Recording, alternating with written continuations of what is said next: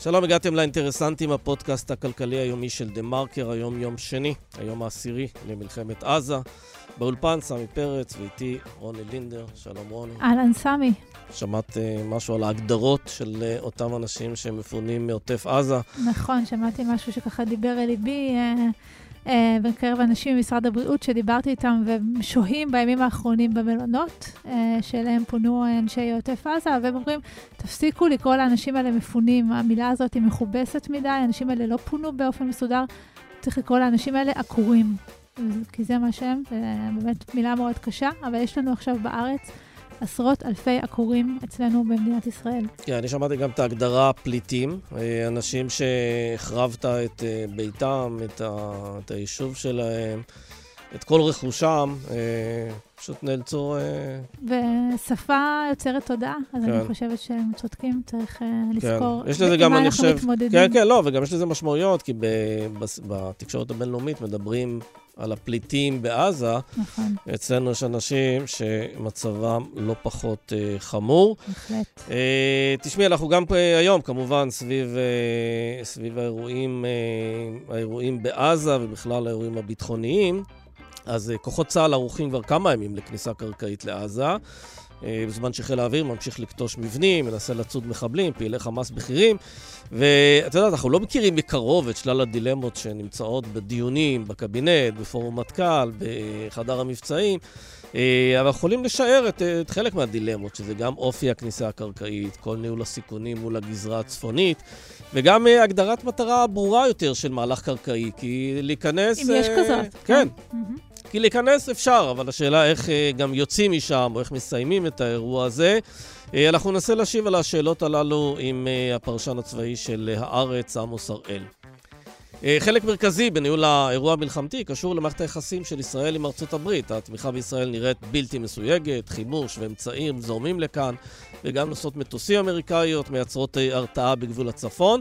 אבל uh, את יודעת, הסיוע והתמיכה האלה הם לא בלתי מוגבלים, ודי ברור שארצות הברית פה גם בתפקיד מי שאמור לסמן לישראל את גבולות הגזרה, ואת יודעת מה? אני לא אופתע אם בישראל גם יש כאלה ששמחים שמישהו מסמן את גבולות הגזרה, נוח להישען גם על מישהו בעניין הזה. נדבר uh, על זה עם uh, אלון פנקס? כן, נדבר עם אלון פנקס, קונסול ישראל uh, לשעבר בניו יורק. אה, וגם, את יודעת, בשום רגע, אה, ואת אה, עקבת אחרי העניין הזה, אסור להסיט את המבט, מה שקורה במערכת הפוליטית פה, כי יש מי שעשוי, עלול בעצם לנצל את זה. למשל, שר התקשורת שלמה קרעי, שמנסה לקדם הצעת חוק דרקונית, ש... תביא למאסרם של אנשים שיפגעו במורל הלאומי בשעת מלחמה. ואת זה חשף אתמול עמיתנו אבי בראלי בדה-מרקר. כן, אנחנו נדבר על זה עם דוקטור אה, עידו באום, שגם כן כתב איזושהי פרשנות על העניין הזה, וגם על uh, אירוע שבנסיבות אחרות היינו, הוא היה כנראה היה כותרת הראשית היום. והוא? בהחלט. והוא כמובן פרישתה של נשיאת בית המשפט העליון, אסתר חיות, בגיל 70. כן. כשבעצם... והיא לא, לא חושבת שהיא דמיינה את נסיבות והפרישה שלה. כן, לא, לא את נסיבות הפרישה, את העיתוי, את ובאמת כמובן, את מה שיקרה בימים האלה. אה, וזה לא רק שהיא פורשת, זה גם העובדה שחסרים עכשיו, אה, עוד שופטת פורשת, ענת ברון, וחסרים שני שופטים במשפט העליון, זה משנה את התמהיל של הרכב השופטים שם. יש לזה הרבה משמעויות, דוקטור עידו באום יהיה איתנו בעניין הזה, אנחנו מתחילים.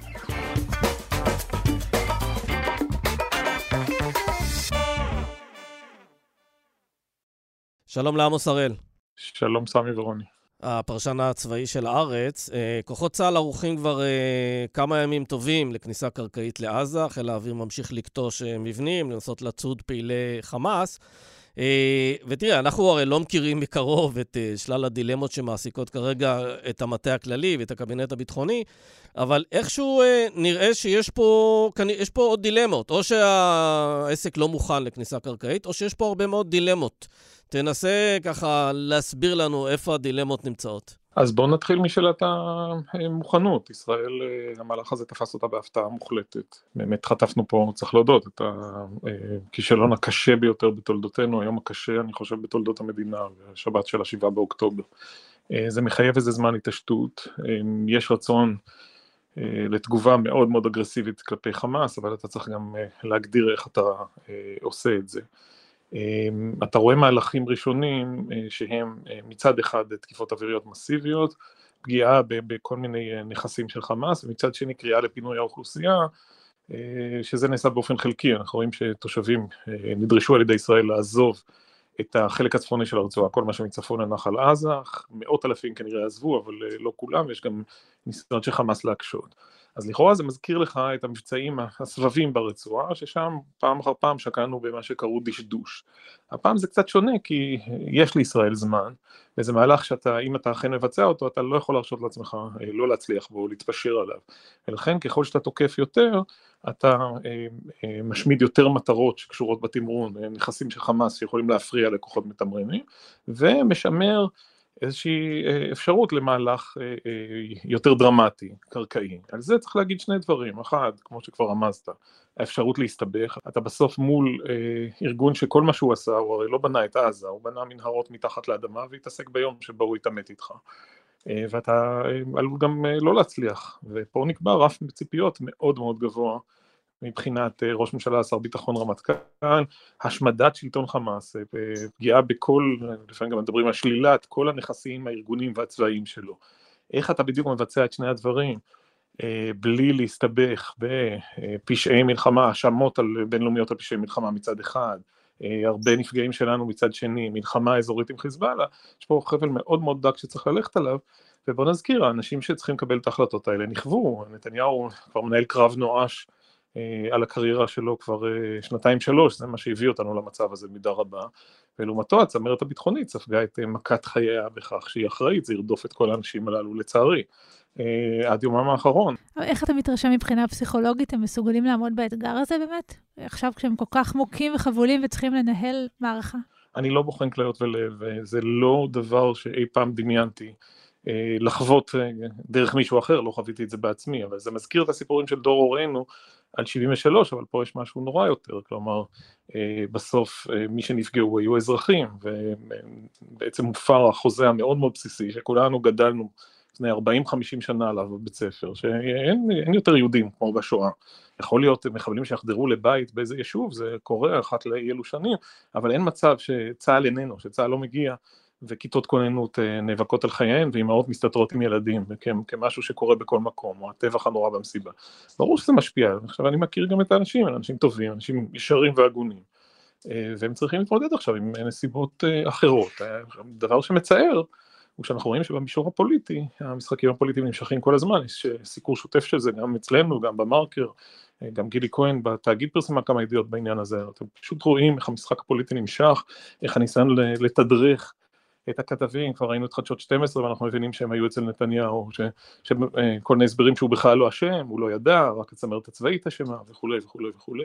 אה, אני לא חושב שפוליטית זה יעזור, אני לא מומחה, אבל נדמה לי שאחרי המלחמה זה לא יעזור. לא, אני גם חושב שפוליטית זה לא יעזור, אבל נשאלת השאלה אם בנסיבות כאלה, כשהדרג הפוליטי כבר עושה הכל כדי להטיל אה, את כל האשמה, או את רובה, על הדרג הצבאי, האם דרג צבאי כזה בכלל יכול להאמין לדרג פוליטי ששולח אותו למערכה הזאת? אז יש, יש בעיה פה ביחסי האמון בין הצדדים, אבל אני חושב שגם הדרג הצבאי רוצה את פעולה, זה לא רק דרג פוליטי ששולח, הדרג הצבאי בפירוש, יש פה איזה, איזשהו רצון ב, ב, לנסות לאזן פה כן, במשהו, כן. כן.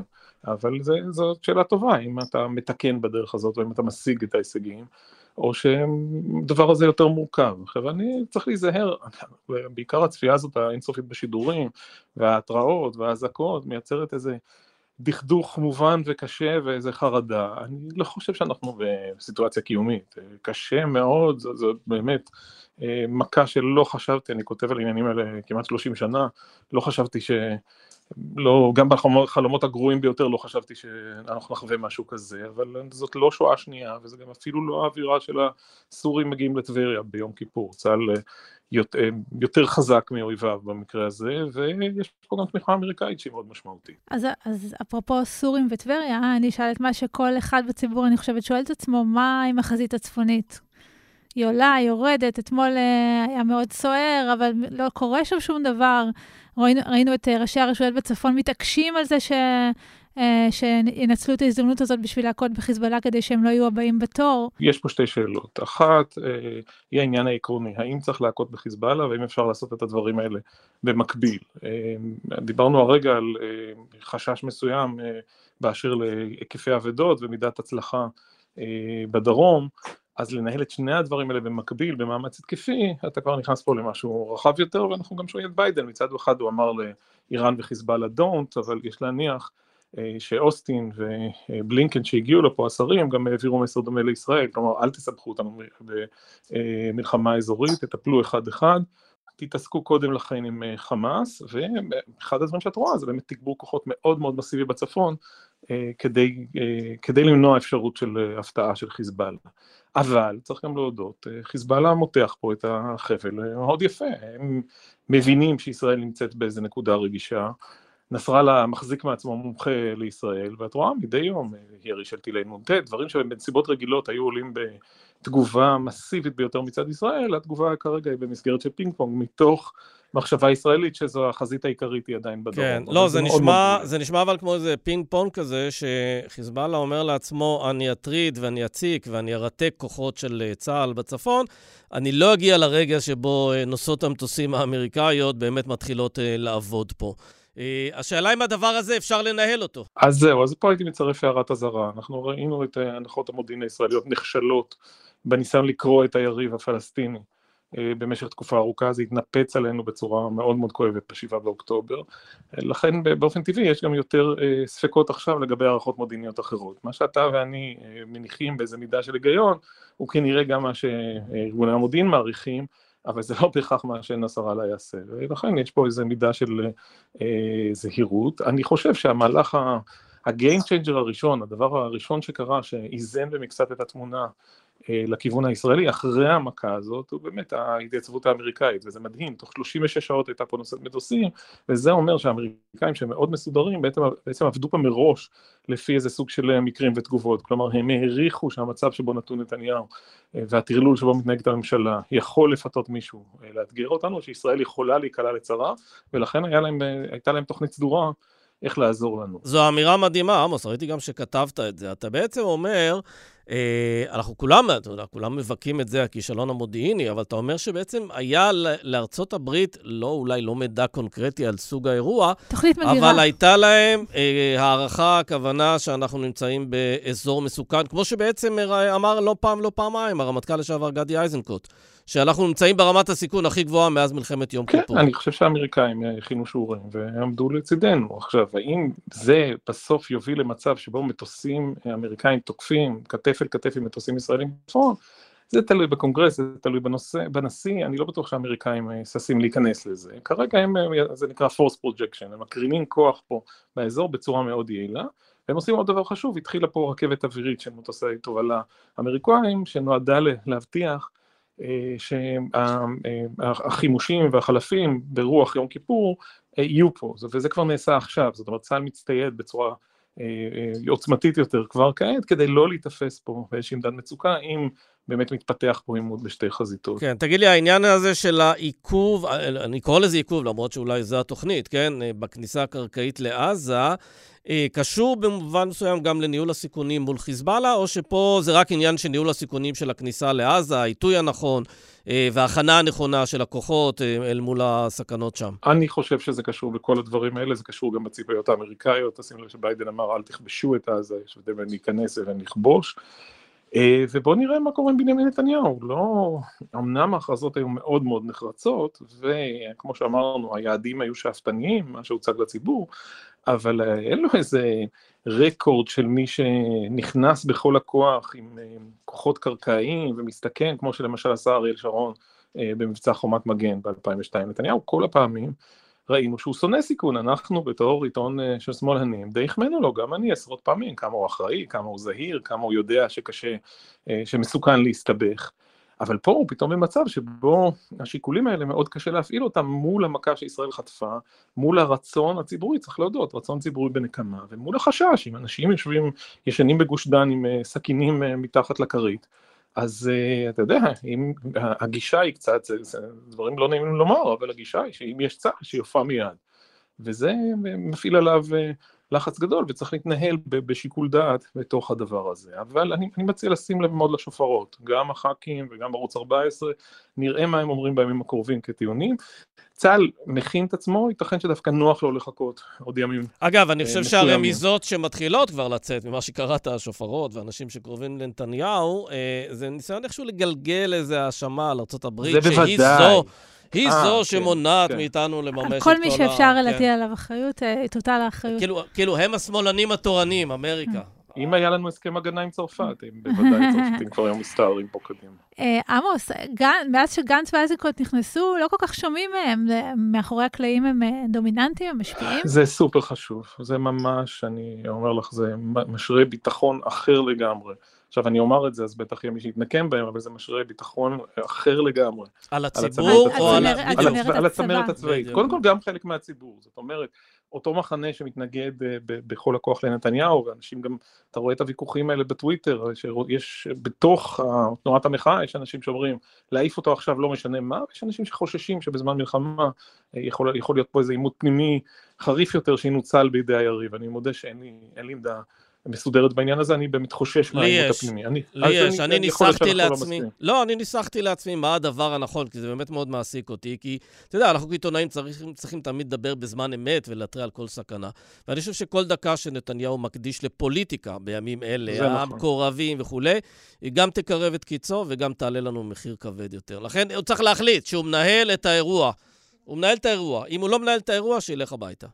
אבל אה, בכל זאת להשלים את השאלה שלכם, אני חושב שאייזנקוט וגנץ מאוד רלוונטיים פה, הם מכניסים איזשהו שקט לדיונים, זה בסוף איזה מועדון של רמטכ"לים וכמעט רמטכ"לים לשעבר עם יואב גלנט, זה אנשים איך היחסים שלהם עם גלנט? אה, יחסים עם גלנט הם לא, הם לא, לא קלים, החבורה הזאת עוד סוחבת על גבה את פרשת הרפז, איך אמר לי מישהו, רק בועז הרפז חסר בחדר, הגיבורים של הפרשה הנשכחת ההיא, כן. אה, ואגב, אבל זה טעון גם בין, אה, גם בין גלנט לנתניהו, אין, אין, אין אהבה גדולה, אבל אני חושב שיש פה בחדר קבוצה של אנשים שבכל זאת טובת המדינה לנגד עיניה, זה אותי אישית, אני לא, לא יכול להגיד שמרגיע, שום דבר לא מרגיע בנסיבות, אבל אני חושב שזה משהו לשאוב ממנו אה, תקווה וביטחון מסוים. תכלס אין לנו וזה... ברירה, אלא להאמין בזה.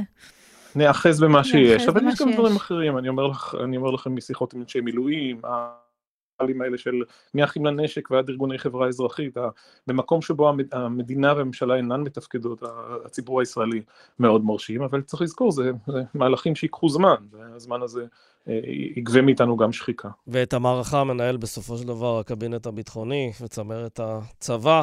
ו... הקבינט המלחמה, אבל, אבל שם, שוב, הכניסה הזאת של גנץ ואייזנקוט לא מאפשרת יותר מחטפים, כמו שעלולים היו כן. לבצר קודם, בעיניי זה חשוב. כן. עמוס הראל, תודה רבה. תודה. תודה לכם.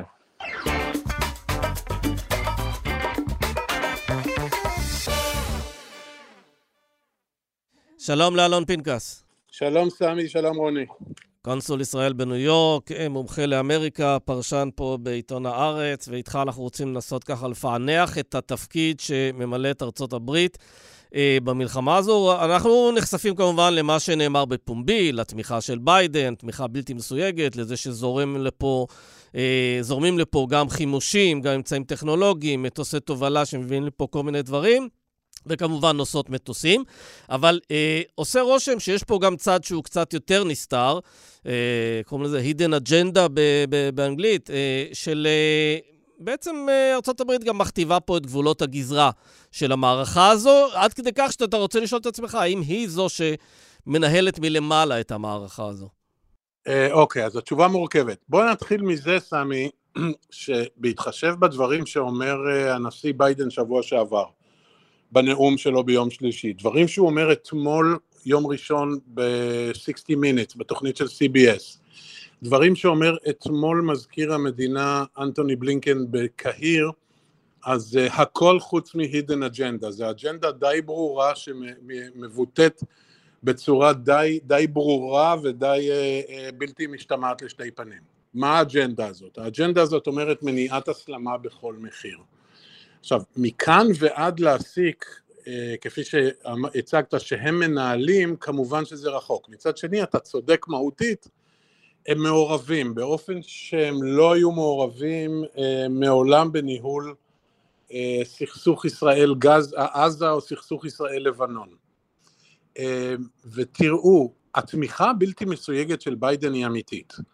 היא אמיתית, היא עמוקה, היא מהלב, היא, היא אמוציונלית, היא מהקישקע כמו שאומרים, מהעין, אבל היא לא, היא לא צ'ק אה, פתוח.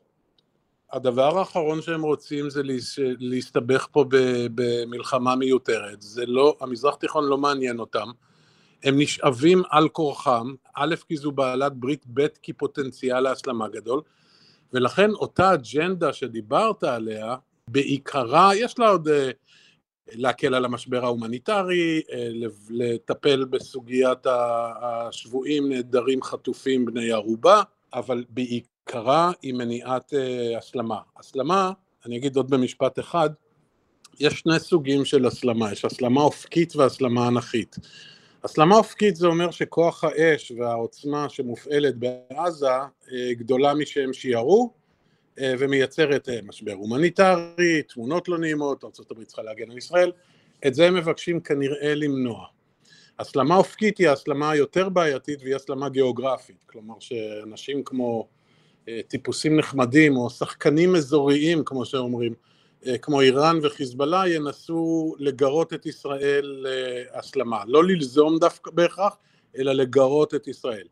שני סוגי ההסלמה אה, סדר היום האמריקאי אה, אה, מבקש להכיל.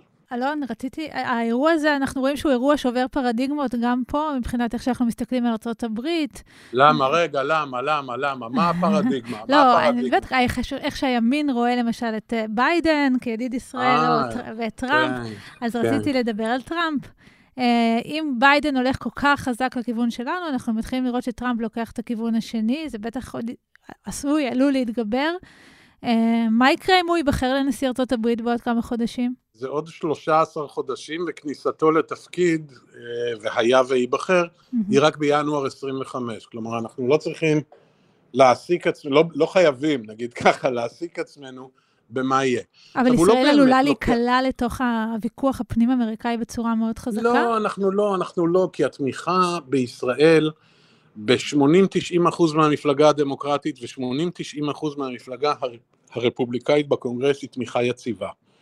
אבל איפה, איפה הם נפגשים הדמוקרטים והרפובליקאים? בחוסר הרצון שלהם, כל אחד ממניעיו הרעיוניים והתפיסתיים השונים, להיגרר, להישאב, אה, להיקלע אה, לתוך עוד מלחמה במזרח התיכון.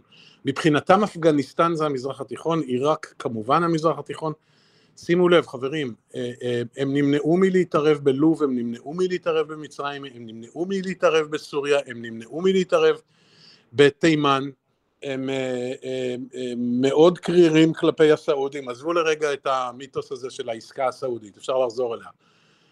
הם לא רוצים להיכנס לזה, ונכון שביידן לוקח עמדה, נוקט בעמדה פרו-ישראלית שהיא, שהיא האיש עצמו. אני לא בטוח, רוני, שטראמפ לוקח עמדה אחרת, כי טראמפ סופו של עניין הוא טמבל, הוא בור, הוא נבער, הוא ריק, הוא חף מידע, ריק מרעיונות. דווקא בגלל זה הוא מאוד לא צפוי. נכון, אז תראי, אז, אז שלשום גם ממשלת ישראל הנוכחית ואת... לא הכי צפויה, כן. נכון, שלשום או לפני שלושה ימים הוא השמיץ את נתניהו והשמיץ את uh, שר הביטחון גלנט, ויום אחרי זה פרסם I stand with Israel. אוקיי, בסדר. עכשיו... חייבת להגיד שזה לא כל כך מרגיע, ההתנהלות. זה לא אמור להרגיע כן. אותך, אני אגיד לך. בגלל זה, בגלל זה כשאמרת פרדיגמה, נחרדתי לרגע. זה, זה שהיו בישראל, ואני יודע שאנחנו בפודקאסט של עיתון רציני, ו- ואתם אנשים רציניים, ואני לא רוצה להשתמש בביטויים לא אקדמיים, אבל זה שיש פה עדרים של מטומטמים שהריצו את טראמפ, אה, זה לא אומר שהייתה פרדיגמה. פרדיגמה אה, בימין. זה כן, שמר... נכון. לא, זה שמר נתניהו אה, שנים מתרחק במודע וביודעין ובמכוון מהמפלגה הדמוקרטית ומחליף בעצם, מה שנקרא replacement theory אה, מסוג אחר.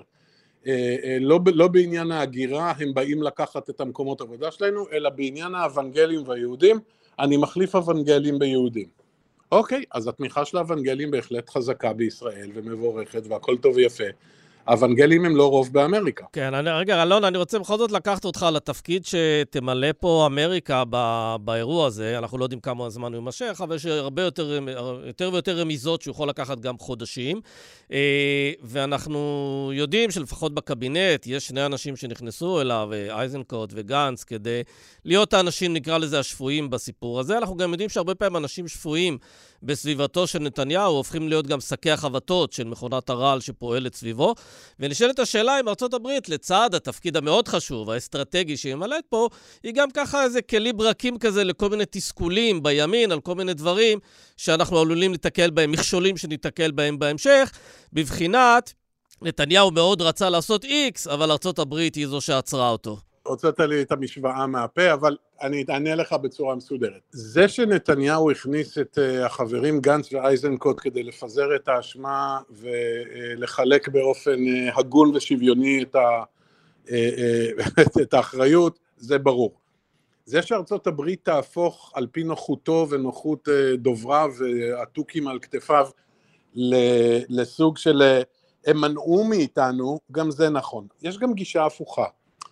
שאומרת ש... אה, וזה ספקולטיבי מה שאני אומר, שאומרת שדווקא נתניהו הוא זה שחושש ממבצע גדול, דווקא נתניהו הוא זה שנרתע, ואגב הוא זכאי לביקורת על זה, כי, כי 12 שנים של רתיעה הביאו אותנו לאן שהגיעו, אבל אני לא מבקר אותו כרגע ולא שופט אותו.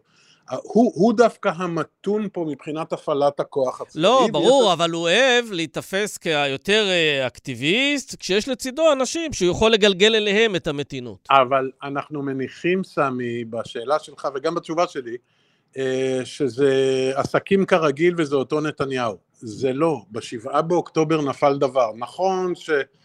יש תהליך של מחאה נגדו ואנטיפתיה כלפיו וסביב העניין של הפיכה משטרית ואנטי דמוקרטיה, פרו דמוקרטיה, בסדר, וזה יתורגם להתנהגותו, ניהולו ושיקול דעתו במלחמה, גם נכון, אבל אנחנו מניחים שהוא ימשיך באותה, אתה יודע, באותה, באותו מודוס אופרנדי, באותו, באותו דפוס פעולה בעבר, אני, אני חושב ש... אה, תראה, אני חושב שהופקע ממנו במידה רבה, גם זה ספקולטיבי, אני מסייג, הופקע ממנו במידה רבה תהליך קבלת ההחלטות פה.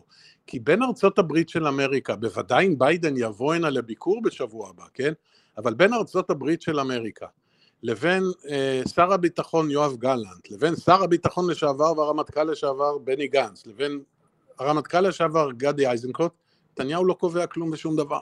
כן. אגב, איך אתה מסביר את זה שבאמת יש אה, שיח כזה על זה שביידן יבוא לפה? אנחנו הרי... אה, זה אמיתי. כניס... לא, אבל אנחנו ערב כניסה קרקעית. אה, האם בעצם בואו של ביידן יעכב את הכניסה הקרקעית, או שזה לא נכון, קשור? העלית שאלה מצוינת. יכול להיות שהאמריקאים אמרו לנתניהו, אתה רוצה, אתה רוצה שהוא יבוא כי זה אה, מועיל לשנינו? בבקשה. עד אז אתה לא עושה שום דבר דרסטי במישור הצבאי. שוב, בפעם הרביעית אני... מזהיר את המאזינות והמאזינים שלנו שאני עושה פה ספקולציה. ביידן אתמול בנאום, ב, סליחה, בריאיון שלו ב-60 Minutes של CBS, אמר דבר מעניין. הוא אמר, אני בעד חיסול החמאס לחלוטין, אבל אני נגד כניסה קרקעית וכיבוש מחדש של אה, עזה בידי... נגד כיבוש מחדש, הוא לא אמר כניסה קרקעית, סליחה. שזה אחלה, אנחנו לא רוצים הרי להתבוסס שם. כן, אבל אורית סטרוק וכאלה. זה מזכיר, זה כן. מזכיר את ההיגיון במופרכות ובסתירה הפנימית של המשפט הזה, של ביידן. זה, זה אותו היגיון של וייטנאם. אה, לא ניכנס לווייטנאם, אבל אה, נבלום את הקומוניזם ונחסל את המשטר הקומוניסטי בהנוי. טוב, זה אי אפשר. מי שרוצה להפיל את החמאס צריך להיכנס קרקעית, צריך להביא את זה בחשבון. עכשיו, טוב, רע, אני לא נכנס לזה. אמ, אני גם לא כל כך מקשיב לכל המומחים שמסבירים את זה, כי זה, הם, זה אותם אלה שהסבירו שחמאס מורתע. אז מה אתה מסיק מדבריו, אם כך? אני מסיק מדבריו שהוא תומך, רוני, בפעולה אה, אפילו ברוטלית של ישראל, mm-hmm. כי, זה, כי מה שקרה והתמונות, זה, הוא אפשר להניח שהוא ראה תמונות שאפילו אנחנו לא ראינו וטוב שכך. אמ, אני מסיק מכך שהוא תומך בפעולה מסיבית, קו נטוי ברוטלית של ישראל, אבל מזהיר אותה מהתבוססות, לא רק כחבר, אלא כי הוא חושש שהתבוססות של ישראל קרקעית של 20-30 אלף חיילים שצריכים להחזיק שכונות שלמות ברצועת עזה במשך חודשיים או שמונה חודשים, אה, ישאב על כורחה את ארצות הברית לתוך העניין הזה, וישאיר את פוטנציאל ההסלמה, אותו פוטנציאל הסלמה שהוא הזהיר מפניו ושבגללו הוא שיגר לפה את אה, קבוצת נושאת המטוסים ג'רלד פורד שנמצאת איפשהו אה, מערבית לחיפה, זו אותה הסלמה שהוא מבקש למנוע. צריך לזכור, ביידן לא רוצה להיות חלק מהמלחמה הזאת, הוא רוצה למנוע אותה. הוא אומר תפציצו להם את האם אימא, סליחה על הביטוי, תפציצו, תעשו מה שאתם רוצים, אה, תתחשבו בהשלכות ההומניטריות, אל, אל תתחילו לי עם כיבושי עזה. לא, זה ברור, אבל אלון, אתה יודע, כולנו, אנחנו לא צריכים שביידן יגיד לנו, לציבור הישראלי, לא כדאי לכם לשבת בעזה, אף אחד מאיתנו לא רוצה לשבת שם, ואם היה אפשר לעשות מבצע אה, זריז ויעיל ובאמת עם תוצאות קטלניות, כנראה שכולם היו הולכים על זה. אנחנו נמצאים באזורים שיש אפשרויות גרועות ויש אפשרויות גרועות יותר. ואז נשאלת השאלה, האם, אה, האם זה אומר שארצות הברית צריכה להיות פה כל הזמן עם יד על השלטר של האירוע הזה? תראה, מה זה כל הזמן? אה, אה, כל הזמן שבועות או כל הזמן חודשים? התשובה, התשובה שלי לשאלה שלך היא כן, כן, היא צריכה להיות, כי, וזה דבר לא נעים להודות בו, כי ארצות הברית כנראה גם לא סומכת עלינו. אה, עלינו זה ממשלת ישראל, עלינו זה מדינת ישראל, עלינו זה על תהליך קבלת ההחלטות או התבונה בתהליך קבלת ההחלטות. זה, אגב, זה לא אומר שהאמריקאים צודקים, זה לא אומר שהם יודעים מה הם רוצים, זה, אבל, אבל יד על השלטר כמו שאמרת, כן. וזה מצב שהם לא רוצים להימצא בו, סמי, זה מצב, אה, הם עסוקים ברוסיה-אוקראינה, האתגר הגדול שלהם הוא סין, אה, אה, הם, הם עסוקים בתחזוקת נאט"ו, בוא לא נשכח, וזה צד שאתה מתמצא בו היטב, בצד הכלכלי והפיננסי, זה שאנחנו מתקרבים מאוד לחורף באירופה, עדיין, עדיין אין, אין נפט רוסי, ופתאום אה, אה, הסלמה פה וזו שנת בחירות בנוסף לכל. לא, הבחירות פחות משמעותיות, הבחירות באמת פחות משמעותיות. יש 335 מיליון אמריקאים, אה, רוני, אף אחד מהם לא מצביע על מה ביידן יגיד או לא יגיד בנושא המזרח תיכון. אבל אם יהיה פה, אה, אה, אם ייפול מטוס אמריקאי, או, או ספינה אמריקאית קטנה תטובע, או של... ארבעה מלאכים אמריקאים יילקחו בני ערובה, זה בדיוק המצב שמייצר משבר שאף אחד לא תכנן אותו. כן. אלון פינקס, תודה רבה לך. תודה רוני, תודה סמי.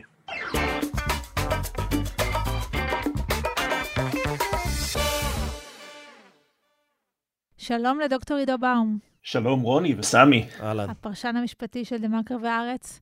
אז אה, יש פה היום ידיעה שבימים כתיקונם, מן הסתם הייתה תופסת כותרות ראשיות והיינו מדברים עליה הרבה מאוד. Uh, נשיאת בית המשפט העליון, אסתר חיות פורשת, ולא מונה לה מחליף קבוע, מכיוון ששר המשפטים עדיין לא כינס את הוועדה לבחירת שופטים.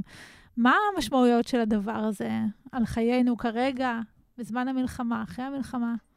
כן, אה, ב- בימים כתיקונם, אה, כשנשיא, כשכל שופט של בית המשפט העליון, לא כל שכן נשיא או נשיאה של בית המשפט העליון פורשים, אה, שזה נעשה לפי חוק בגיל 70, אם מגיעים לגיל פרישה, יש טקס מאוד גדול, נאומים, ובדרך כלל מקריאים פסק דין מאוד מאוד חשוב. הנשיאה חיות ביטלה את כל האירועים הללו. אה, אפילו אה, פסק דין אה, ככה מכונן ליום הפרישה, גם את זה היא לא פרסמה, היא כן פרסמה איזשהי מכתב, מכתב פרישה שמדבר על הימים הקשים שאנחנו נמצאים בהם ומקווה וקורא לאחדות ומקווה לימים טובים יותר. אה, קודם כל בטווח המיידי, כיוון שלא כונסה הוועדה לבחירת שופטים, המשנה אה, של הנשיאה, השופט עוזי פוגלמן, הוא יהיה עכשיו אה, ממלא מקום אה, נשיא בית המשפט העליון. אגב, צריך להגיד שבמקור הוא היה אמור להיות הנשיא בעצם, נכון? אה, עוזי פוגלמן היה, כי... היה אמור להיות הנשיא, אבל אה, הוא בן 69, הוא פורש בעוד כשנה, ולכן הוא מלכתחילה הודיע שהוא מוותר על הנשיאות, כי זו תקופה קצרה מדי, ומי שאמור היה להתמנות לנשיא זה השופט יצחק עמית, שכידוע בימי ההפיכה המשטרית סומן כמישהו שלא רוצים אותו בתור נשיא. וזאת אחת הסיבות, אגב, לכך שעד היום לא כונסה ועדה לבחירת שופטים, אה, אה, יריב לוין רצה אה, להשתלט על, ה, על תהליך המינוי ולמנות את השופטים שרלוונטיים מבחינתו, וזה המצב כרגע, כלומר, בלי ועדה, עם הפרישה של אסתר חיות וענת ברון שפרשה בשבוע שעבר, בית המשפט העליון הוא כרגע עם 13 שופטים, והמשמעות המיידית של הדבר הזה זה שההרכב של בית המשפט העליון הפך להיות שמרני יותר ובלתי מתערב יותר, כי חיות וברון היו שופטות ליברליות יותר אקטיביסטיות נקרא לזה כך, ועומס, כן, אנחנו לדעתי נמצא את בג"ץ, אמנם יש דיונים דחופים שנדחים, אבל נמצא את בג"ץ במצב של עומס מאוד מאוד קשה, וגם עוד השאלה שצריכה לעלות, אני לא יודע מה יקרה, אה, אבל בסוף, לקראת סוף החודש היה אמור להיות דיון בעתירות אה, לכנס את הוועדה לבחירת שופטים וכרגע נראה שבג"ץ דן רק בעניינים דחופים, יכול להיות שזה יידחה. כן. ותוך כדי גם אה, אנחנו שומעים על כל מיני דברים, אתה יודע, בזמני מלחמה הקשב שלנו הולך באמת למצב הביטחוני, לכל הטרגדיות שאנחנו חווים, אה, ואנחנו רואים ששר התקשורת שלמה קרעי מציע תקנות לשעת חירום, שבמסגרתן הוא יוסמך בהיוועצות עם השר לביטחון לאומי, בן גביר, להורות למשטרה לעצור אזרחים או לתפוס את הרכוש שלהם. אם הוא יחשוב שהם הפיצו ידיעות שיש בהן כדי לפגוע במורל הלאומי, או שהידיעות הללו שימשו בסיס לתעמולת אויב, נשמע כמו חוק אה, דיקטטורי אה, אקסטרה, מלא מלא. קומבו קומבו. ומי כן. שאמור לאזן אותו זה השר לביטחון לאומי, כן, כן, איתמר בן גביר, איתו, כן, הגורם גם... הממתן, בן כן. גביר. נכון, אז קודם כל צריך לומר, זו חשיפה של אבי בראלי אצלנו. אה, ובואו נתחיל מזה שזה תקנות שעת חירום, צריך לומר משהו על, ה, על, ה, על המוסד הזה. ישראל מבחינה משפטית פורמלית, נמצאת מאז 1948, מאז הקמתה, במצב חירום פורמלי משפטי. אה, שניסו במשך השנים לבטל אותו בכל מיני דרכים, אבל, אבל עד היום לא עשו את זה, אה, וכרגע אנחנו באמת במצב חירום, אבל אה, לא עשו את זה כי הרבה מאוד חוקים במדינת ישראל תלויים בזה שיש מצב חירום, ועד שלא יחליפו אותם לחוקי שגרה, לא ביטלו את מצב החירום. עכשיו, מצב חירום מאפשר לממשלה, לחוקק מה שנקרא תקנות שעת חירום, שימו לב הממשלה לא הכנסת, אין, אין פה שלוש רשויות, זה הממשלה קמה בבוקר ומתקינה תקנות שעת חירום שזה חוק לכל דבר, זה מאפשר לדרוס כל חוק, אין על זה בקרה של הכנסת, הממשלה פשוט מודיעה ואגב במצב חירום קיצוני ראש הממשלה לבד יכול לחוקק תקנות שעת חירום גם זה אה, אפשרי לפי חוק יסוד הממשלה. התקנות האלה, החוק מגביל אותם, הוא אומר אה, אסור להם לפגוע בכבוד האדם וחירותו, הן לא מונעות פנייה לבג"ץ כדי, אה, כדי להתגונן מפני הדורסנות של, של התקנות האלה, זה הכלי הכי אנטי דמוקרטי שאפשר להעלות על הדעת. ולכן אסור להשתמש בו אלא אם אין ברירה.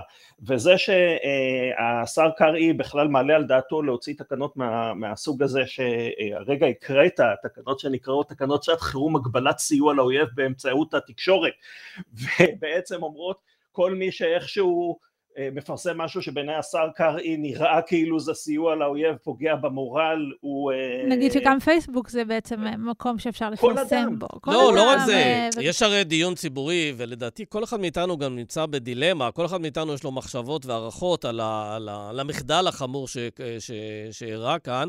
ואנחנו גם רוצים לבטא את זה, ואתה מצד שני אומר, אני רוצה לבטא את זה, כי אני רוצה שיתוקן, אני רוצה שדברים יבואו על מקומם בשלום. אני לא, בטח לא רוצה לעזור לחמאס. אז השאלה, אה, איפה עובר הגבול בין לעזור ובין להגיד את הדברים בזמן אמת, או אם אתה חושב, אני אמציא משהו, נגיד שאתה לא סומך על הדרג המדיני עכשיו בקבלת ההחלטה האם יש מבצע קרקעי, כן או לא. אם אתה אה, מציב את סימן השאלה הזה, אז לפי הצעתו של קרעי, אני פוגע במורל של העם? לפי הנוסח, לפי הנוסח, אם קרעי חושב שאתה פוגע במורל של העם, הוא מתייעץ עם איתמר בן גביר, ומאותו רגע אפשר לעצור אותך, אפשר להוריד אותך אה, מכל רשת חברתית שאתה נמצא בה, אה, ולהפעיל את כל הסמכויות האלה. זה פשוט מטורף. לומר, צריך אגב לומר, קודם כל זה אומר משהו על, על, על שר התקשורת, כי אה, מאז אני לפחות ראיתי מלבד החשיפה של אה, אבי בראלי של התקנות האלה אה, זה לא משהו שהתפרסם בצורה מסודרת כי כמובן שאין נוהל פרסום מסודר לתקנות שעת חירום אבל כן כבר יש גרסה חדשה והרבה יותר מרוככת בדיוק שלמשל מורידה את האפשרות לעצור, אין מעצר. אז על זה רציתי לשאול אותך כי בעצם אתמול הוא הכחיש והוא באמת הציג את הגרסה המרוככת ו... אמ, וחזר בו בעצם. אבל השאלה שעולה בי, האם מדובר בבלון ניסוי? האם אנחנו עכשיו נראה עוד ועוד, באמת במסגרת אותן תקנות שעת חירום, עוד יוזמות אה, איך נקרא לזה, פשיסטיות כאלה. כן. לא, שגם צריך להזכיר, בוא, אנחנו מדינה למודת מלחמות, זה לא שכאילו אחרי 75 שנה פתאום יש לנו איזה אירוע ביטחוני חמור, ואז הוא מחייב תקנות מיוחדות. כמו שאמרת, אנחנו מיומנו הראשון עם תקנות, אה. אנחנו במצב חירום. אז, אה, אז בהחלט יש פה ניסיון לנצל שעת כושר כדי להעביר משהו שמה, שייתן איזה מעטפת הגנה לראש הממשלה? אה, א', ככה זה נראה. אה, ב', גם התקנות, התקנות שעת חירום המרוככות, אני לא חושב שיש בהן צורך. יש מספיק חוקים במדינת ישראל שמגבילים את חופש הביטוי ונותנים כלים כאלה, ואנחנו ראינו אגב בשבוע שעבר שאנשים שהתבטאו בצורה לא ראויה ברשתות החברתיות, אז אה, המשטרה הפעילה כוח כדי להגביל את הדברים האלה, והפרקליטות אגב פרסמה בימים האחרונים למעלה ממאה מקרים של חקירות שהמשטרה פועלת כדי להגביל ביטויים והפצת הפצת מידע אה, שקרי, כוזב, פגיעה בשלום הציבור, יש את הכלים האלה, ולכן גם הגרסה המרוככת אה, שהופצה ומקנה אה, סמכויות, אמנם קצת יותר פיקוח, במקום שקארי יתייעץ עם בן גביר הוא צריך להתייעץ עם הצנזור והוא צריך להתייעץ עם אה, קצין משטרה, אה, אה, כלומר עובד ציבור ולא, ולא פוליטיקאי ועדיין זה סמכויות מאוד מאוד נרחבות, בצדק אגב פנתה היום האגודה לזכויות האזרח ליועצת המשפטית לממשלה להזכיר לשרי הממשלה שיש כנסת והיא מתפקדת, ואפשר לחוקק מהר מאוד אם רוצים, לא צריך תקנות שעת חירום, כי תקנות שעת חירום זה אומר שביום אחד כל ה-40 שבועות של מאבק אה, למנוע את הפיכת הרשות המבצעת לממשלה לבעלת אה, כוח בלתי מוגבל נמחק. פשוט אה, משיג, משיגים את כל הכוחות האלה בהוראת חוק אחת. כן, טוב. אז uh, מה זה אומר? אנחנו צריכים כאזרחים, uh, כעיתונאים, להישאר ככה עם נעליים. ערניים, להיות מאוד כן, ערניים. כן, להישאר ערניים ולהשגיח שלא מעבירים לנו ככה מתחת לאף כל מיני חוקים בתקופה הקרובה. חד משמעית, כן. אנחנו, אנחנו צריכים, אה, אנחנו התקשורת, זה חלק מהתפקיד שלנו לפקח על הדבר הזה. אני חושב שגם האופוזיציה, בכל זאת, יש כאן אופוזיציה מתפקדת, כולנו רוצים ביחד לנצח, אבל, אבל זה לא אומר שלא צריך להיות ביקורתיים בדרך. אה, אה, ולפקח על הממשלה, כי יש כאן לא מעט שרי ממשלה שהתודעה שלהם היא כנראה המשך נשארה אה, בשישי לאוקטובר. קידום ההפיכה המשטרית כן. נקרא לזה, תחת, באוקטובר. תחת כן. ערפל הקרב. כן. דוקטור עידו באום, תודה רבה. תודה. תודה לכם.